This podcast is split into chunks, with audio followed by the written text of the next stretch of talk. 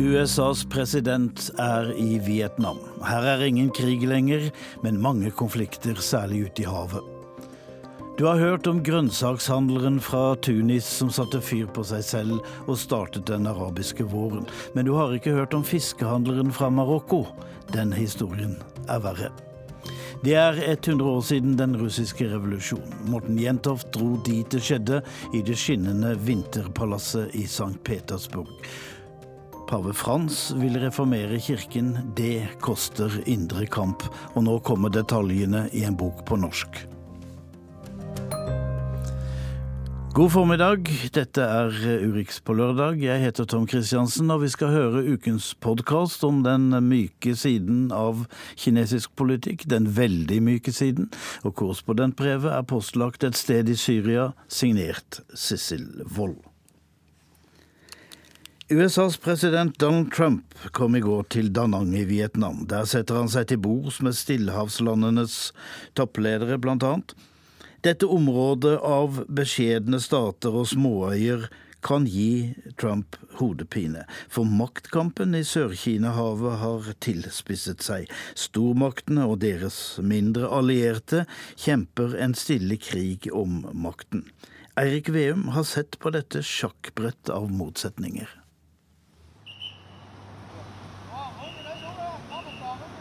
De forsøkte å leve som før, innbyggerne i havnebyen Da Nang i det sentrale Vietnam. Denne uken var det ikke så enkelt. Soldater kunne ses på hvert gatehjørne, i veikryss og ved alle innfartsveier til byen. En dame forteller at hun ikke helt vet hvordan hun skal komme seg forbi alle veisperringene. Alt er stengt av, og flere holder seg hjemme. Byen er nærmest under beleiring.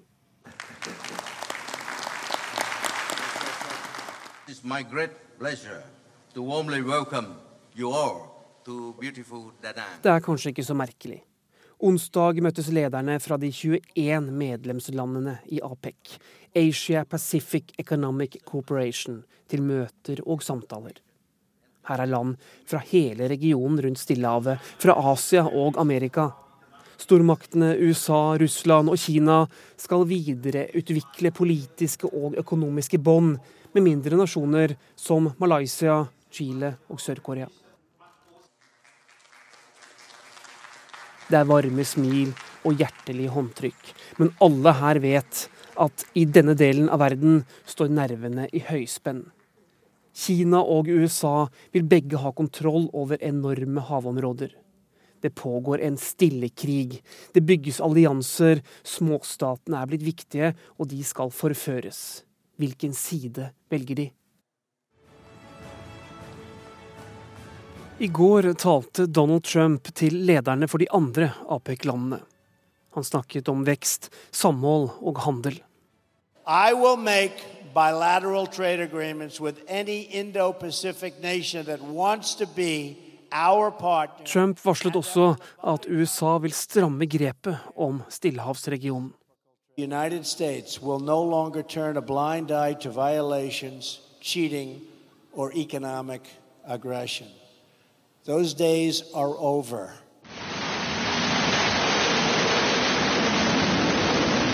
Et kinesisk jagerfly tar av fra et marinefartøy øst for Vietnam, et stykke ut i Sør-Kina-havet.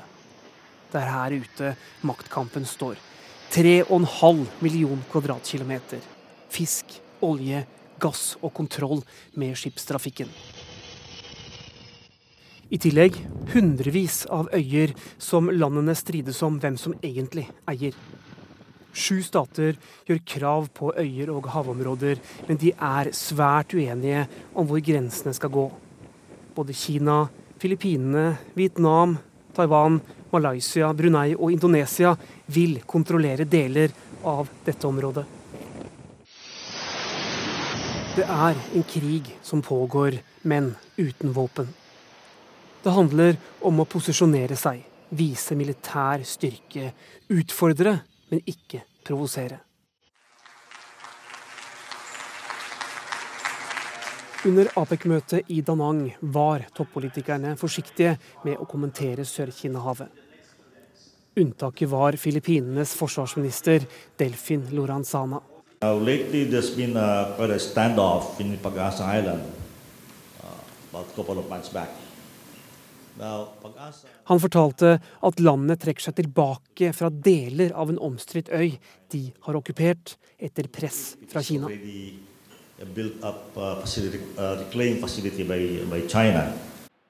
USA er på vikende front. De har lovet sine allierte i Asia at de ikke vil la Kina ta over kontrollen i Sør-Kina-havet. Amerikanerne vil også selv ha fri tilgang her. Ved nye militære operasjoner eller en krig i det østlige Asia er det helt nødvendig for USA å ha tilgang til havner og muligheter for å ferdes fritt. Det går ikke hvis det er Kina som bestemmer.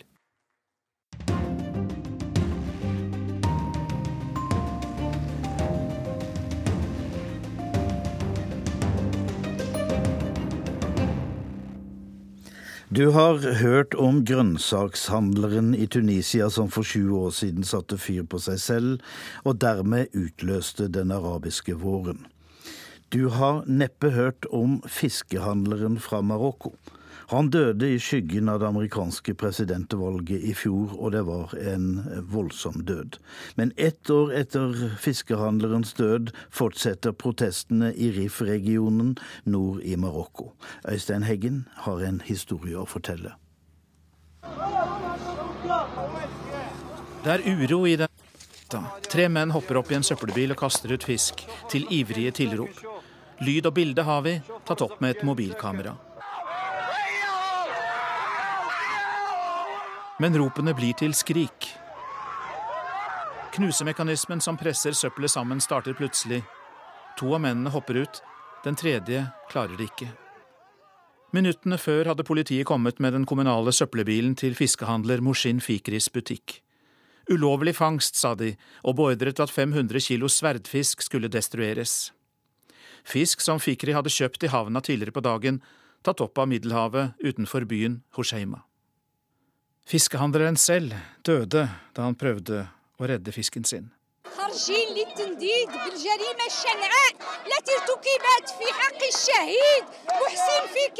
Vi kom hit for å fordømme denne avskyelige forbrytelsen mot Moshin Fikri, sier kvinnen som deltok i massedemonstrasjonene som fulgte. Vi så det selv, med våre egne øyne så vi at han ble klemt til døde i søppelbilen. Men verden så det ikke, for det skjedde under innspurten av valgkampen i USA. Snart skulle Donald Trump bli valgt. En fiskehandlers skjebne i Marokko fikk lite av verdens oppmerksomhet. Folket i Hosheima har ikke glemt det. På årsdagen for tragedien 28.10 var folk igjen ute i gatene i byen langs Middelhavet, ved foten av de massive rifffjellene, som bare gir folket der en smal og karrig kyststripe. Derfor er fiske viktig for å overleve. Moshin Fikris skjebne utløste en misnøye som hadde ulmet lenge. Et le Hirak est né euh, donc il y a maintenant un an, hein, après la mort de Mohsin Fikri, un vendeur euh, de poissons qui est... Dette er aktivisten Soraya El Kalawi. Hun forteller om Herak, folkebevegelsen på norsk. Den ble dannet etter Fikris død. Folket fikk en skjebne, et navn, et ansikt, en maltraktert kropp, som symbol på virkningene av sosial urettferdighet. Fiskekvotene utenfor Rif-regionen de selges ut til de store selskapene.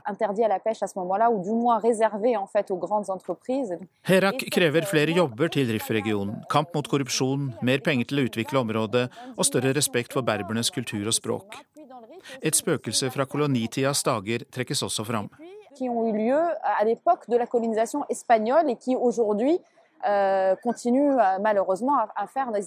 Det nordlige Marokko var underlagt Spania mellom 1912 og 1956.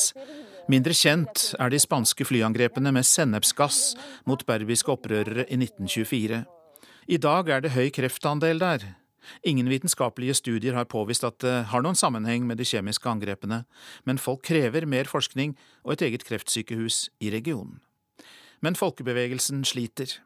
Flere hundre av lederne ble arrestert i mai med absurde anklager mot seg, ifølge Soraya El Kalawi, som leder støttekomiteen for fangene.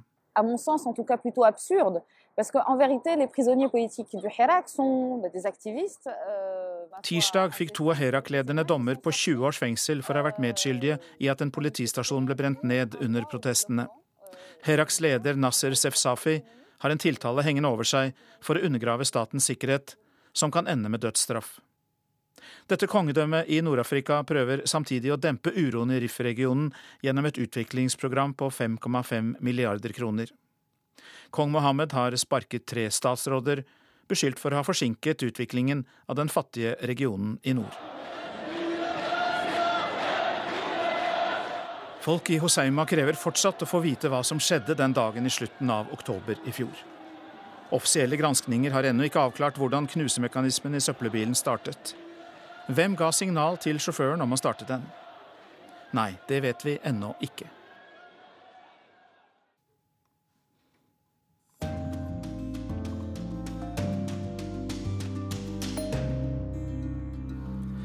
Natt til onsdag var det 100 år siden stormen på Vinterpalasset.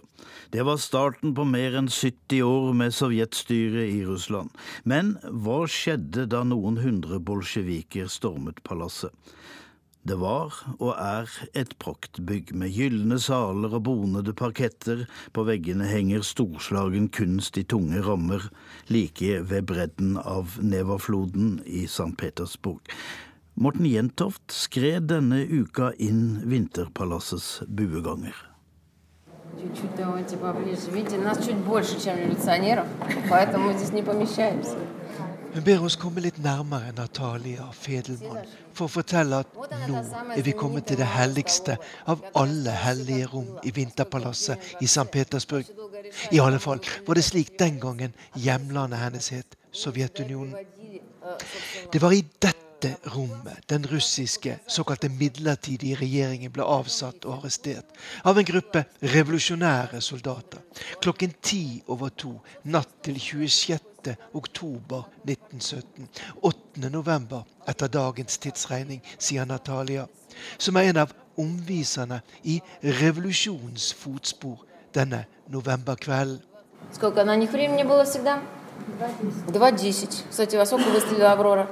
Natalia Fedelmann ber oss komme med noen av de sentrale tidspunktene for det som skjedde denne høstnatten i Petrograd, som Russlands hovedstad het den gangen. Klokken i dette rommet er satt på 02.10, som i alle år var det offisielle tidspunktet for den russiske revolusjonen. I den samme offisielle fortellingen het at revolusjonen ble satt i gang etter at krysseren Aurora hadde skutt granater mot Vinterpalasset. Men nyere forskning viser at dette skjedde ti på ti om kvelden, altså mange timer før selve stormen. Og dette er bare en av mange myter som Natalia Fedelmann slår hull på når vi vandrer i de revolusjonæres fotspor gjennom salene og gangene i det veldige Vinterpalasset, som i dag først og fremst er kjent for verdens kanskje største kunstsamling, Hermitasjen. Это царский музей. Det var tsaren som bygde opp dette museet, sier Natalia Fedelmann. Men samtidig er det en myte at dette var den siste tsar Nikolai 2. og hans families bosted. De hadde allerede mange år tidligere flyttet mer eller mindre permanent ut til Tsarskoje Selo sør for St. Petersburg. Den første russiske revolusjonen i 1905 hadde vist for all verden at Vinterpalasset midt i St. Petersburg var altfor utsatt hvis folket skulle reise seg mot de som satt ved makten i Russland.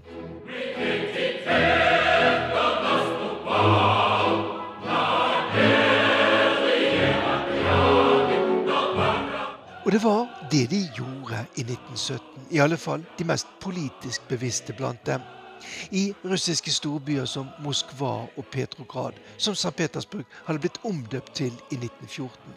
I et forsøk fra tsaren på å være patriotisk ved starten av første verdenskrig. Men tsaren var ingen god krigsherre. Russland gikk på nederlag etter nederlag, og den sosiale misnøyen vokste. I mars 1917 trakk tsar Nikolai 2. seg. Kapitalister i Anglia Vladimir Lenin, eller Vladimir Ulyanov som han het, blir ofte kalt revolusjonens leder, her i et sjeldent opptak der han hilser Den røde armé. Som i gamle dager, da det også var en utstilling om revolusjonen i Vinterpalasset, så har også Lenin fått en prominent plass i denne nye og oppdaterte utstillingen, som er åpnet i forbindelse med 100-årsjubileet for den russiske revolusjonen. Men mer interessant enn Lenin er det Natalia Fedelmann forteller om skjebnen til to av hovedpersonene denne natten da bolsjevikene stormet Vinterpalasset og tok regjeringen til fange. Det var ukraineren Vladimir Antonon Ovsejenko som ledet angrepet. Og det var justisminister Pavel Manjatovic som formelt overga seg og de 16 regjeringsmedlemmene til rødegardistene. Men 20 år senere skulle Antonon Ovsjenko og Maljantovitsj dele skjebne. De ble begge et offer for den store terroren i Sovjetunionen og skutt. Der var for lengst mange andre av dem som ledet revolusjonen i Petrograd, tatt av dage eller forvist, som den militære lederen Lev Trotskij.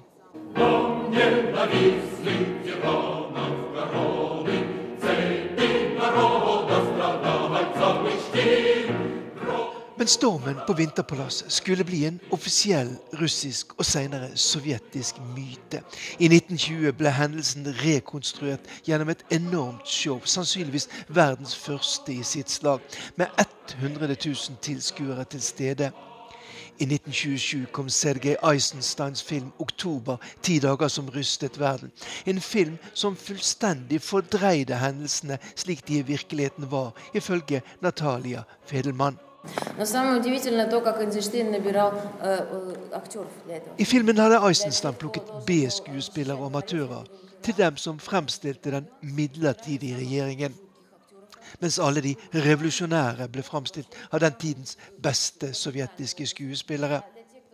Og den fyllerfesten som fulgte da bolsjevikene tok seg ned i vinkjelleren i Vinterpalasset, ble det selvfølgelig ikke fortalt så mye om. I dag prøver altså Hermitasjen i St. Petersburg å vise oss hendelsene noenlunde slik de var, uten å skjønnmale tsarstyret eller kaste alt det som Lenin og hans bolsjeviker kjempet for den gangen, over bord. Og uansett hvor mye som har vært fordreid og senere feiltolket, stormingen av Vinterpalasset og den russiske revolusjonen er en av de mest dramatiske hendelsene i vår moderne historie, med store konsekvenser for resten av verden. En pave blant ulver, slik er livet til den katolske kirkes overhode pave Frans. Forfatteren og journalisten Marco Politi er ekspert på Vatikanet. Han forteller at Vatikanet ikke akkurat er det helligste sted på jord. Vår reporter Arnt Stefansen kjenner den italienske Vatikan-veteranen.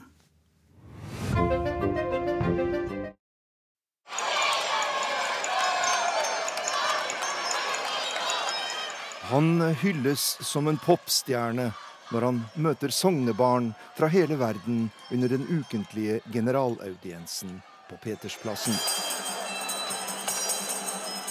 Men for mange av de høye geistlige som deltar i seremonien, er han en trussel. Mot deres maktstilling, mot deres måte å leve på, og mot det de mener er evige sannheter. Pave Frans har forbløffet verden og rystet kirken siden han inntok Den hellige stol for drøyt fire år siden. Vatikaneksperten Marco Politi forklarer hvorfor. Questo papa è molto differente dai papi precedenti. Denne paven er svært forskjellig fra sine forgjengere. Han avviser pomp og prakt og vil leve enkelt. Han vil erstatte dagens makthierarki med det han kaller en fattig kirke for de fattige. og han vil ha en kirke som viser nåde og tilgivelse i stedet for fordømmelse. Han har gått til angrep mot byråkrati og pengesvindel i Vatikanet, mot seksuelt misbruk av barn i kirken, og han har stilt spørsmålstegn ved sentrale spørsmål, som kirkens praksis i forhold til homofile. Alt dette har skaffet ham mange og mektige fiender, sier Vatikaneksperten Marco Politi. È difficile educare per i genitori Papa Francesco Trailupi, pave Frans blant ulvene, heter Marco Politis bok, og denne uken har han vært i Norge i forbindelse med den norske utgivelsen. Ifølge forfatteren er angrepene mot paven de kraftigste man har opplevd i den katolske kirken på minst et hundre år, og jeg spør ham hvem er ulvene?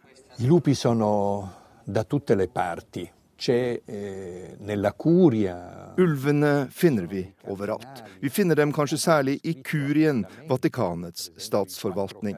Her sitter et tungt byråkrati, ofte med egne maktambisjoner og interesser, og pavens ønske om forandring har møtt sterk motstand. Men pavens fiender er også andre steder i kirken. De er prester, biskoper og til og med kardinaler Fire kardinaler har åpent kritisert paven fordi han vil tillate fraskilte katolikker å motta nattverden. Og denne saken har fått de mest hatske motstanderne til å kalle paven en kjetter, altså en som sprer vranglære, forteller Marco Politi.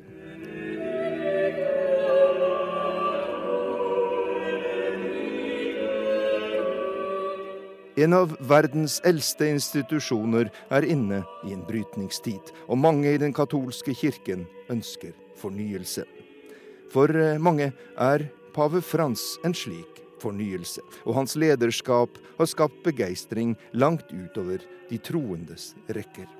Dagens pave engasjerer seg ikke bare i religiøse spørsmål, men kommer også med sterke politiske ytringer. Det gir ham også mektige motstandere, sier Vatikaneksperten Marco Politi. Man må ikke glemme at pave Frans også er en geopolitisk leder.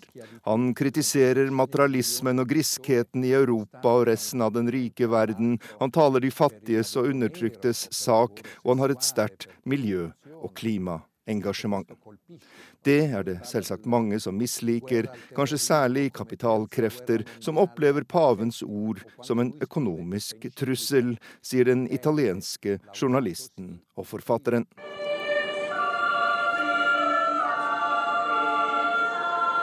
Pave Frans fyller 81 år til høsten, og mange spør seg hvordan han holder ut det voldsomme arbeidspresset og den kraftige maktkampen som han står i til daglig. Og paven selv har antydet et svar, sier Vatikaneksperten Marco Politi.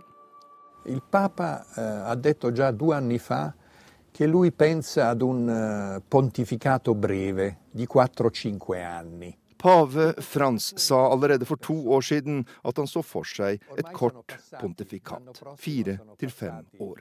Og neste år har han jo sittet fem år på pavestolen. De som støtter paven, gjør alt de kan for å få ham til å fortsette, men motstanden og presset mot ham øker, og hans fiender håper inderlig at han trekker seg så raskt som mulig. Ikke nok med det, det pågår nå en kraftig mobilisering for å finne en etterfølger som kan sørge for at de reformene som Frans har innført, blir satt i revers så snart han er borte sier den kjente forfatteren og Vatikankjenneren Marco Politi.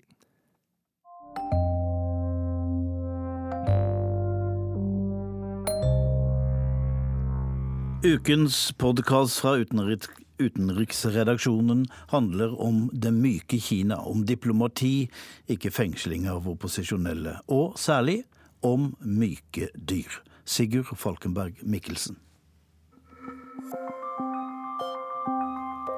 De er sorte, de er hvite, de har dype ringer rundt øynene, knasker masse bambus og er store som det Kina de kommer fra.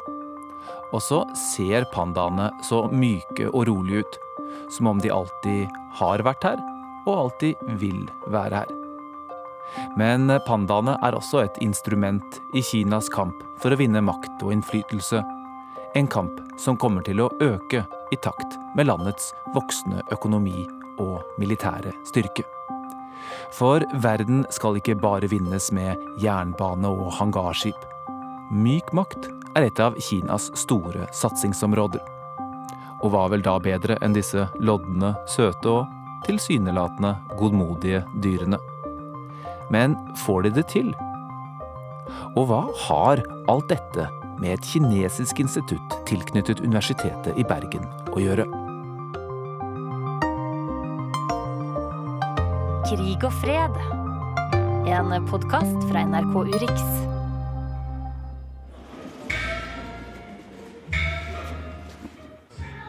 Kinas leder Xi Jinping tar imot eh, USAs president Donald Trump i den forbudte by, det tidligere keiserpalasset i Beijing.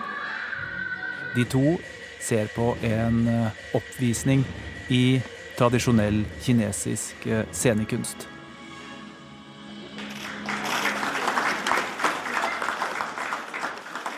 You having fun? Yes, sir.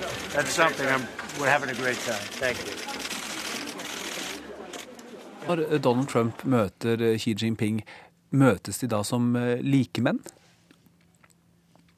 Ja, det eh, tror jeg i større grad de gjør nå enn de har gjort før, i hvert fall. Jeg tror Trump har vært, selv om han har hatt mye Kina-retorikk i sin valgkamp, så er det vel eh, ganske sikkert at både han og de som sitter som rådgivere for han, forstår at den andre store makten i verden er Xi Jinping. Jeg er Kristin Dalen. Jeg jobber som forsker på Fafo og har siden slutten av 90-tallet jobbet med sosiale forhold i Kina. For et par uker siden så var jeg i Kina under partikongressen. Men det er én ting Trump og USA fortsatt har som kineserne mangler. Og det er det som skjer når folk sitter oppe halve natta for å se en Superbowl-finale i amerikansk fotball eller hvis de drømmer seg bort til Venice Beach i Los Angeles etter å ha sett en Hollywood-film. Eller kanskje når de søker et visum for å kunne realisere seg selv i USA.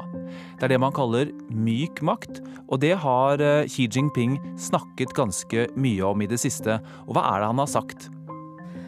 Ja, det, dette har eh, Xi Jinping snakket om i mange år allerede. Han er opptatt av at Kina skal bli sterkt.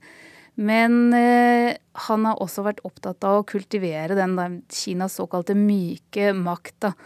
Eh, for, å, for, å, gjøre seg sterk ikke bare ved å true andre eller å ta makt, men også kanskje å få makt, fordi folk ønsker eh, den kinesiske kulturen velkommen, det kinesiske styresettet, eller også kanskje den kinesiske utenrikspolitikken. Dette er jo et begrep som Joseph Nye, professor på Harvard, eh, introduserte en gang ja, var det på tidlig 90-tallet, kanskje, hvor han snakket om muligheten for å skaffe seg makt, ikke gjennom å underlegge seg andre eller å true de, men eh, på en måte å få de til å ville være sånn som en selv, gjennom kanskje først og fremst kultur, amerikansk myk makt. Det er jo kanskje det man først og fremst tenker på som er popkultur, filmer, musikk, kanskje levestil.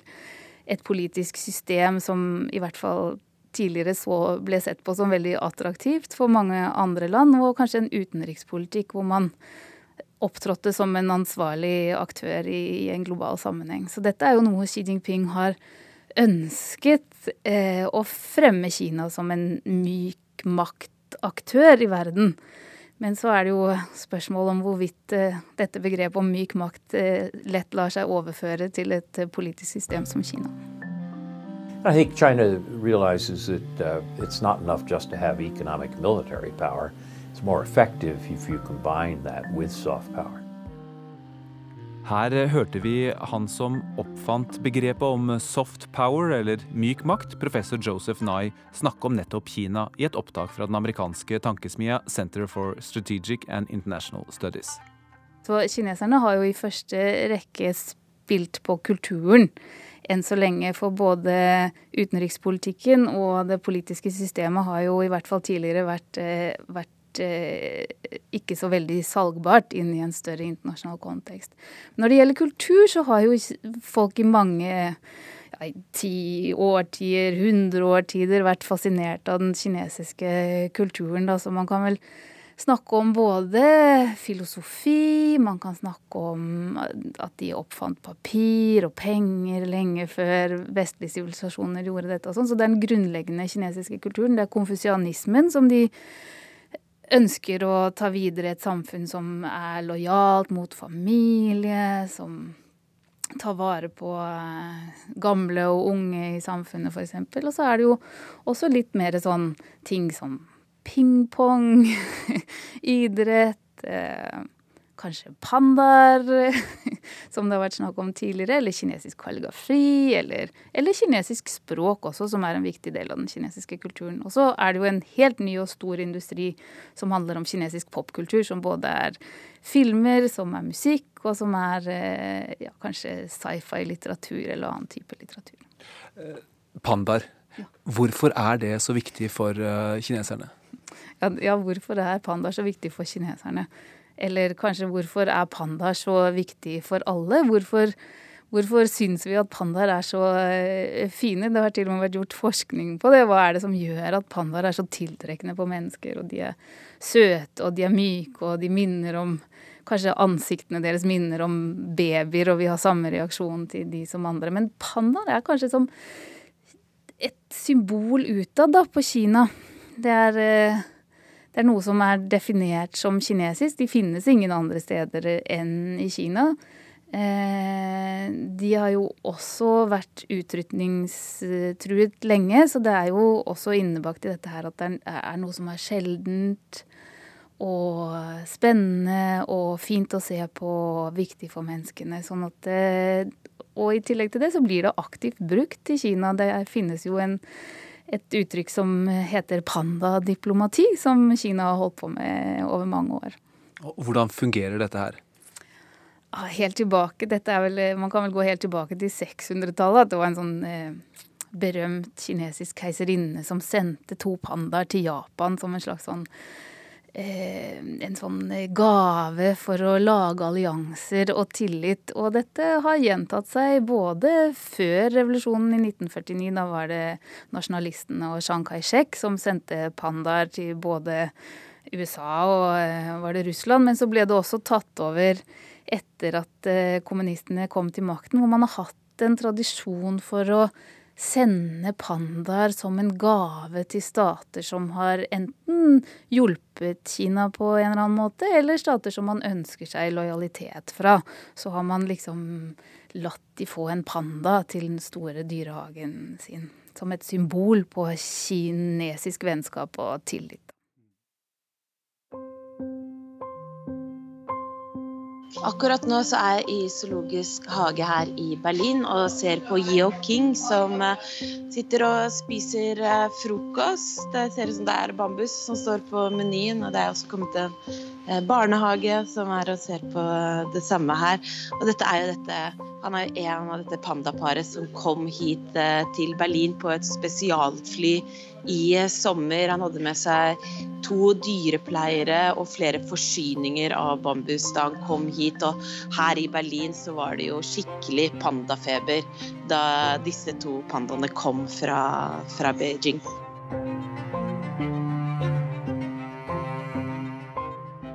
Da Angela Merkel og Xi Jinping åpnet denne 9 millioner euro-paviljongen her i sommer, så var det jo tydelig god stemning eh, mellom dem. De lo og spøkte. Og eh, det var jo ganske interessant å følge denne seansen, for på pressekonferansen med de to rett før, så var det påfallende hvordan ingen av dem tok eh, noen spørsmål. Eh, de kom ut, leste opp hver sin erklæring. Merkel sa at de hadde snakket om menneskerettigheter, men det var ikke mulig å stille noen spørsmål om det. og dette var jo samtidig som fredsprisvinner Lucia Baar lå for døden. Og vi i pressen vi ville jo gjerne spørre om det, men det ble altså ikke åpnet for noen spørsmål. Jeg heter Guri Nordstrøm og jobber som europakorrespondent for NRK i Berlin. når Kina gir bort en panda, så er det innbakt i det at de liksom eh, viser at de har tillit til denne andre staten da, for å ta vare på noe som er så viktig som en panda mm. kan være, som et symbol på, på, Kina. Det er liksom en liten del av Kina som skal ta og få lov å bo i dette landet, og som skal passes på av, av de som styrer landet, og de som styrer dyreparken. Ja, for Det er ikke tilfeldig altså, uh, hvilke land som uh, får disse pandaene. Så er det en annen ting som har slått meg, at de, uh, de får jo ikke disse pandaene til odel og eie. De leies. og vertslandet betaler penger, rundt 1 million dollar årlig. Så det sier jo også noe om maktforholdet mellom de landene som da får lov til å ta vare på en panda.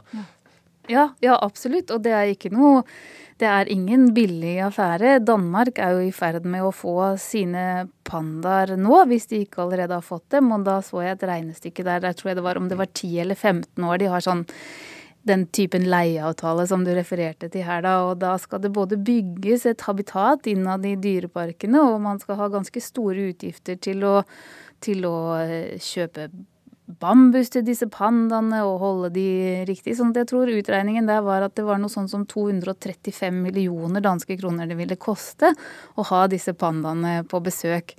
Eh, og da er det jo interessant at man i mange tilfeller når man ser at eh, det er pandaer som er gitt til land, så sammenfaller det med underskrivingen av handelsavtaler mellom Kina og dette landet. Så det, det er eh, det er store både politiske og økonomiske bindinger eh, rundt å ta imot en panda, hvis man, hvis man leser det på den måten. Du hører på Krig og fred, en podkast fra NRK Urix. 使领馆的外交使节、总部理事会成员单位和在京中方合作院校代表约四百人参加。 Det er veldig mye makt i språk, og her hører vi et TV-innslag fra en åpen dag på et av Kinas mange Konfutse-institutter på den stadig mer innflytelsesrike kinesiske TV-kanalen CCTV. Og hva er egentlig Konfutse-instituttene? Det er eh, institusjoner som eh, Kina begynte å produsere på løpende bånd fra 2004 av. Eh, de første ble vel oppretta i Korea, Sør-Korea. Og tanken, eh, slik de sier det, er at skal, det skal være institusjoner som har den samme funksjon som Goethe-institutter, som Cervantes, som uh, eh, Alliance Française, eh, altså kulturinstitusjoner i land som så mange land som mulig. Jeg heter Harald Løkman, og jeg er eh, gammel Kina-forsker. Og det er jo ikke noe galt i det, eh, å tilby sitt språk, sin kultur. Det beriker jo begge parter. Ja, det er overhodet ikke. Det er, det er, I utgangspunktet er det veldig bra, men Eh, det er et men ved det hele, fordi mens eh, Goethe-institutt og andre er jo uavhengige institusjoner som samarbeider eh, i forskjellige retninger, så har strategien fra Kinas side vært å gå inn i etablerte institusjoner. Da institusjoner med høyere utdanning, universiteter, høyskoler Eh, og på en måte eh, lage sine egne avdelinger der. Enten i samarbeid med um, institutter der man allerede har kinesisk, eller, som det skjer i veldig mange tilfeller, å opprette kinastudier på universiteter som ikke har uh, hatt kinesisk. Og hvem bestemmer da på disse uh, Konfutse-instituttene? Altså, De har en, en innfødt, holdt jeg på å si, altså lokal direktør og de kan ha andre ansatte, som er da fra det landet de opererer i. Men de aller fleste, hvis du går inn på nettsidene deres, så ser du at det er kinesiske lærere som er på kortere eller lengre engasjement eh, til dette instituttet. Som kommer fra forskjellige institusjoner i Kina. Dette er et kjempestort engasjement. Eh, det er blitt flere hundre av disse instituttene.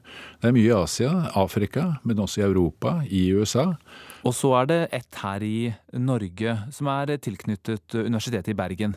I Bergen, det var det første som ble, og til nå eneste. Altså det første som kom i Norden, var i 2005 i Stockholm. Eh, og det kalte de seg Nordisk konferanseinstitutt. Og så noen år etterpå kom det som nå er i Bergen. Men i Stockholm så har de lagt det ned. Eh, også da under press eh, fra utenforstående. Eh, det samme har skjedd med en del andre eh, institusjoner. Eh, hva er, eh, hva er kjerneproblemet her?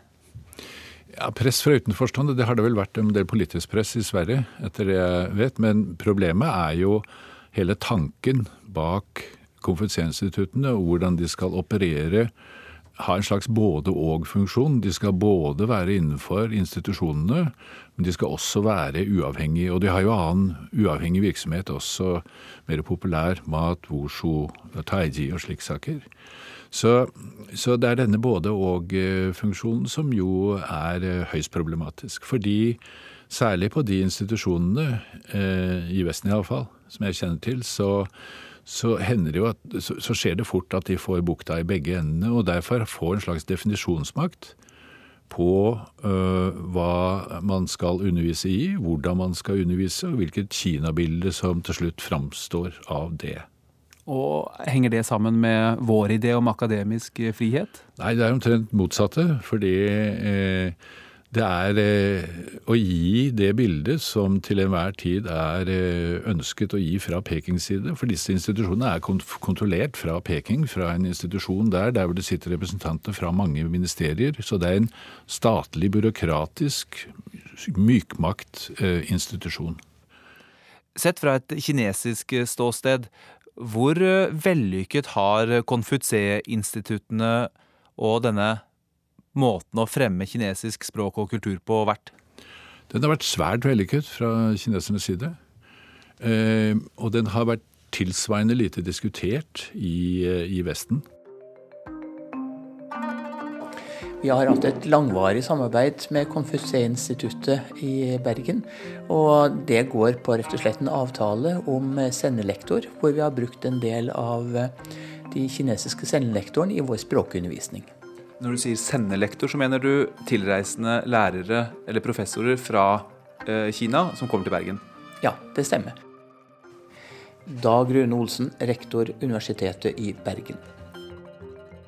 Altså, Sendelektor vil jo være ansatt eh, av myndighetene i Kina, akkurat som når norske sendelektorer var i utlandet, var de ansatt eh, i Norge, av Kunnskapsdepartementet f.eks. Det viktige for oss er jo at vi har en avtale med det instituttet som sikrer oss full kontroll på den undervisningen som gis. Og da ser jeg ikke noe eh, større problemer med det. Tror du at myndighetene i Kina ser på Universitetet i Bergen som en uh, nyttig medspiller i deres uh, måte å påvirke verden på? Det blir helt For meg det kan jeg ikke spekulere i, for det har jeg faktisk ikke noen forutsetninger for å, å mene noe. Men jeg, vi legger jo til grunn at dette instituttet, som det tyske Goethe-instituttet og som norske sendelektorer i utlandet, ønsker jo å, å promotere eh, landets språk og kultur. Det er vi jo naturligvis innforstått med.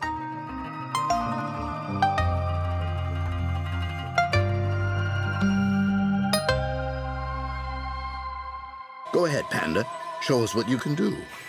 Um, are they going to watch, or should I just wait until I get back to work or something? Just hit it. Get ready to feel the thunder. Come at it with crazy feet. What you gonna do about crazy feet? I'm a blur. I'm a blur. You never seen bear style. Would you hit it? How's that?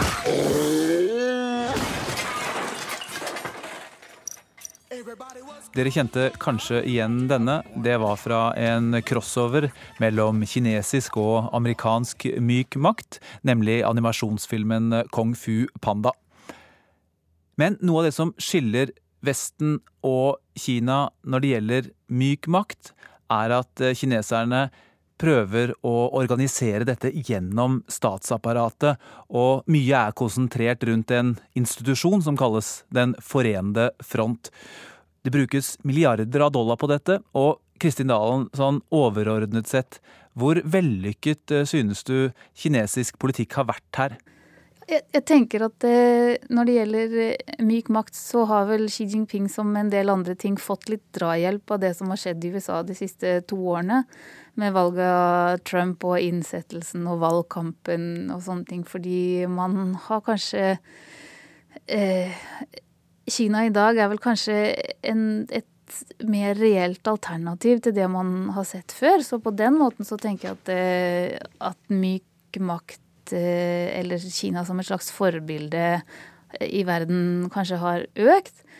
Men samtidig så har man jo sett i Kina en ganske tydelig økning i kontroll av alternative stemmer, f.eks. Man har sett at sivilsamfunnet i større grad skal kontrolleres av partiet, sånn som tidligere. Og da undergraver man jo kanskje grobunnen for det som man definerer som myk makt allerede der.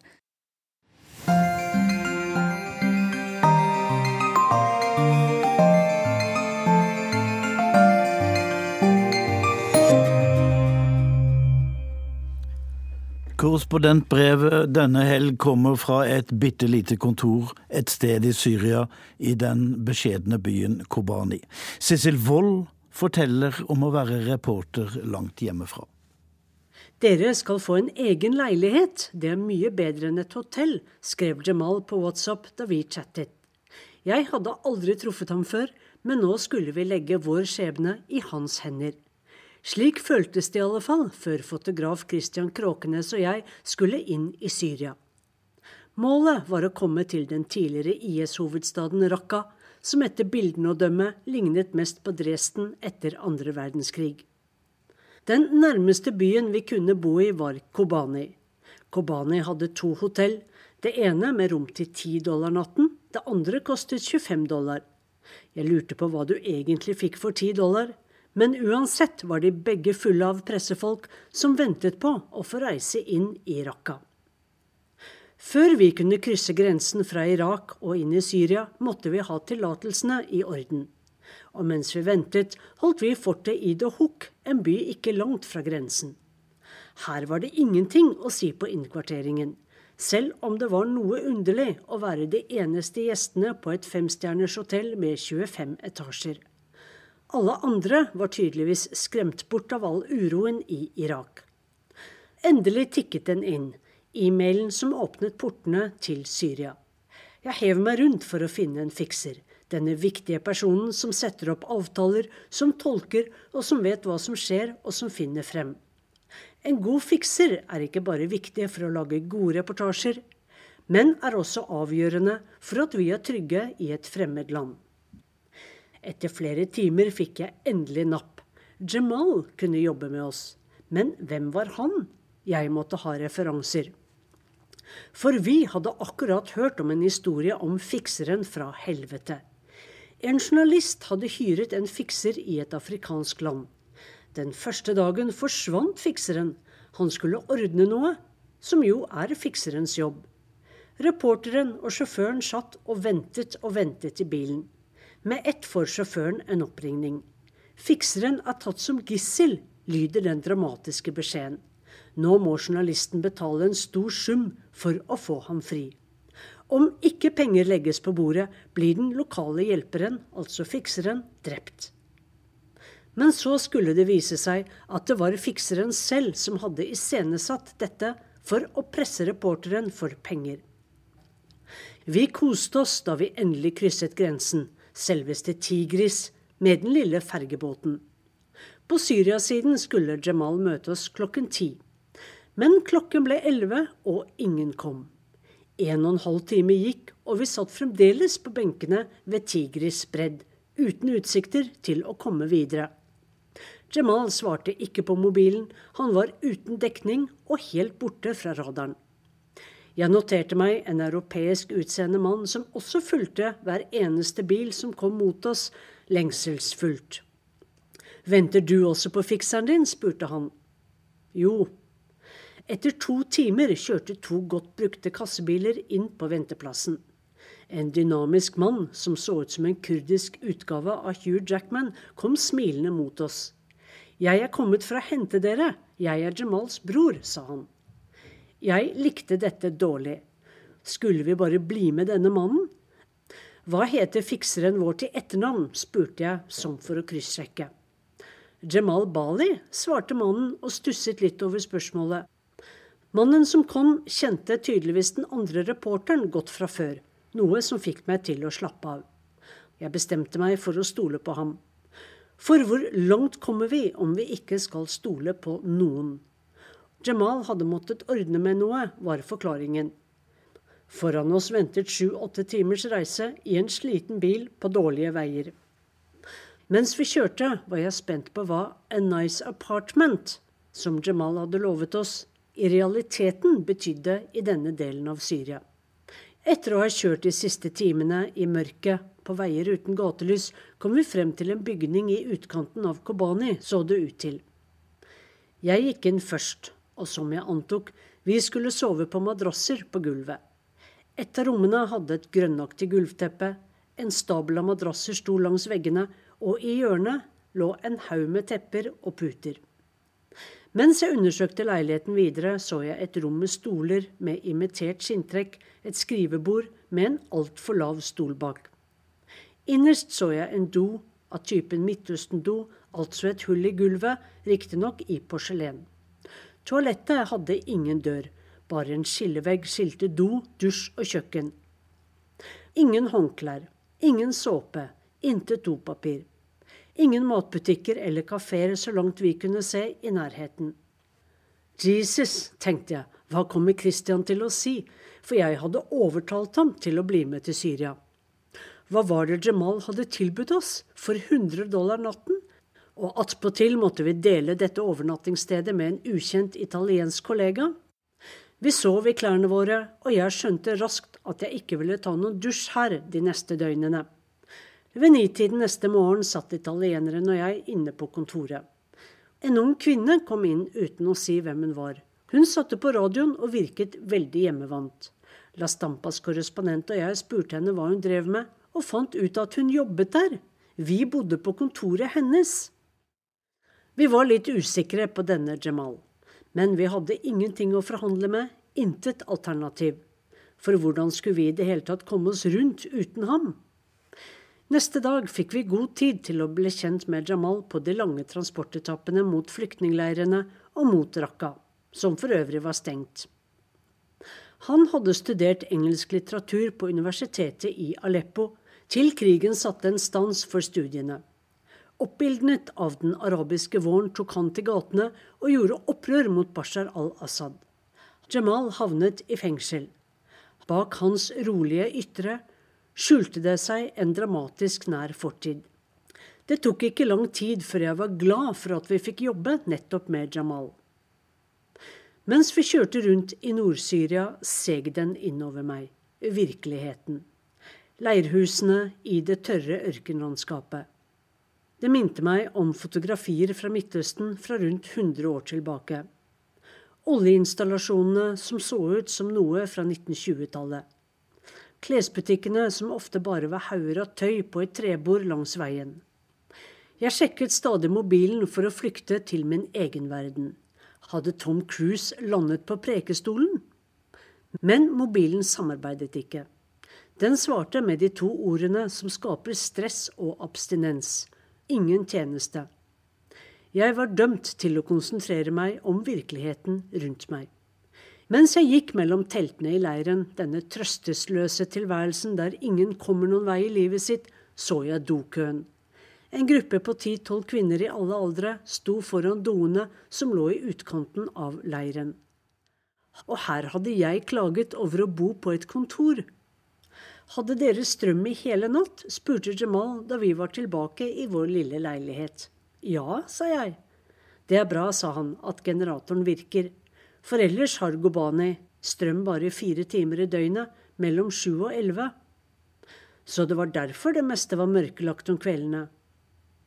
Med ett gikk det opp for meg hvor heldige vi var som bodde på dette lille kontoret. Vi kunne gå på en ren do når vi ville. Vi hadde strøm til lys, laptoper og mobilladere hele døgnet, og det var rent på gulvet. Morgen nummer to vasket jeg meg med to våtservietter fra Turkish Airlines. Jeg så allerede frem til morgen nummer tre, da jeg kunne åpne serviettene fra Lufthansa og Pegasus Airlines. Og kvelden før hadde Christian og jeg handlet. Nå var vi stolte innehavere av hvert vårt håndkle. Når gledet jeg meg sist over å eie et mykt frottéhåndkle? Følelsene i bilen på vei ut fra Syria var sterke. Jeg var sint på diktatorer som gir så fullstendig blaffen i folket sitt. De som ikke investerer verken i arbeidsplasser eller infrastruktur. For hva er det å se frem til her, tenkte jeg. Reisen fra Kobani til Tyrkia tar ikke bare tid fordi vi må kjøre hele veien. Det er som å reise gjennom flere tiår. På tyrkisk side skulle sjåføren fylle bensin. Jeg stirret mot bensinstasjonen. Var det en disk med iskrem jeg så der borte? I mine møkkete klær gikk jeg inn i bensinstasjonen. Alt var så rent her inne. Alle menneskene hadde så rene klær. Alle fargene var så sterke. Hva slags verden var dette? Var dette den industrialiserte verden? Etter bare fire døgn i Syria var det som et kultursjokk. Hvor lenge kan dette fortsette, tenkte jeg, denne urettferdigheten i verden? Og skal jeg, som virkelig har vunnet lotteriet ved å bli født i Norge, skal jeg noen gang kunne klage over noe igjen? Nei, jeg tror ikke det. Og der setter Urix på lørdag strekk. Teknisk ansvarlig var Finn Lie, produsent Katrine Nybø, og jeg heter Tom Christiansen.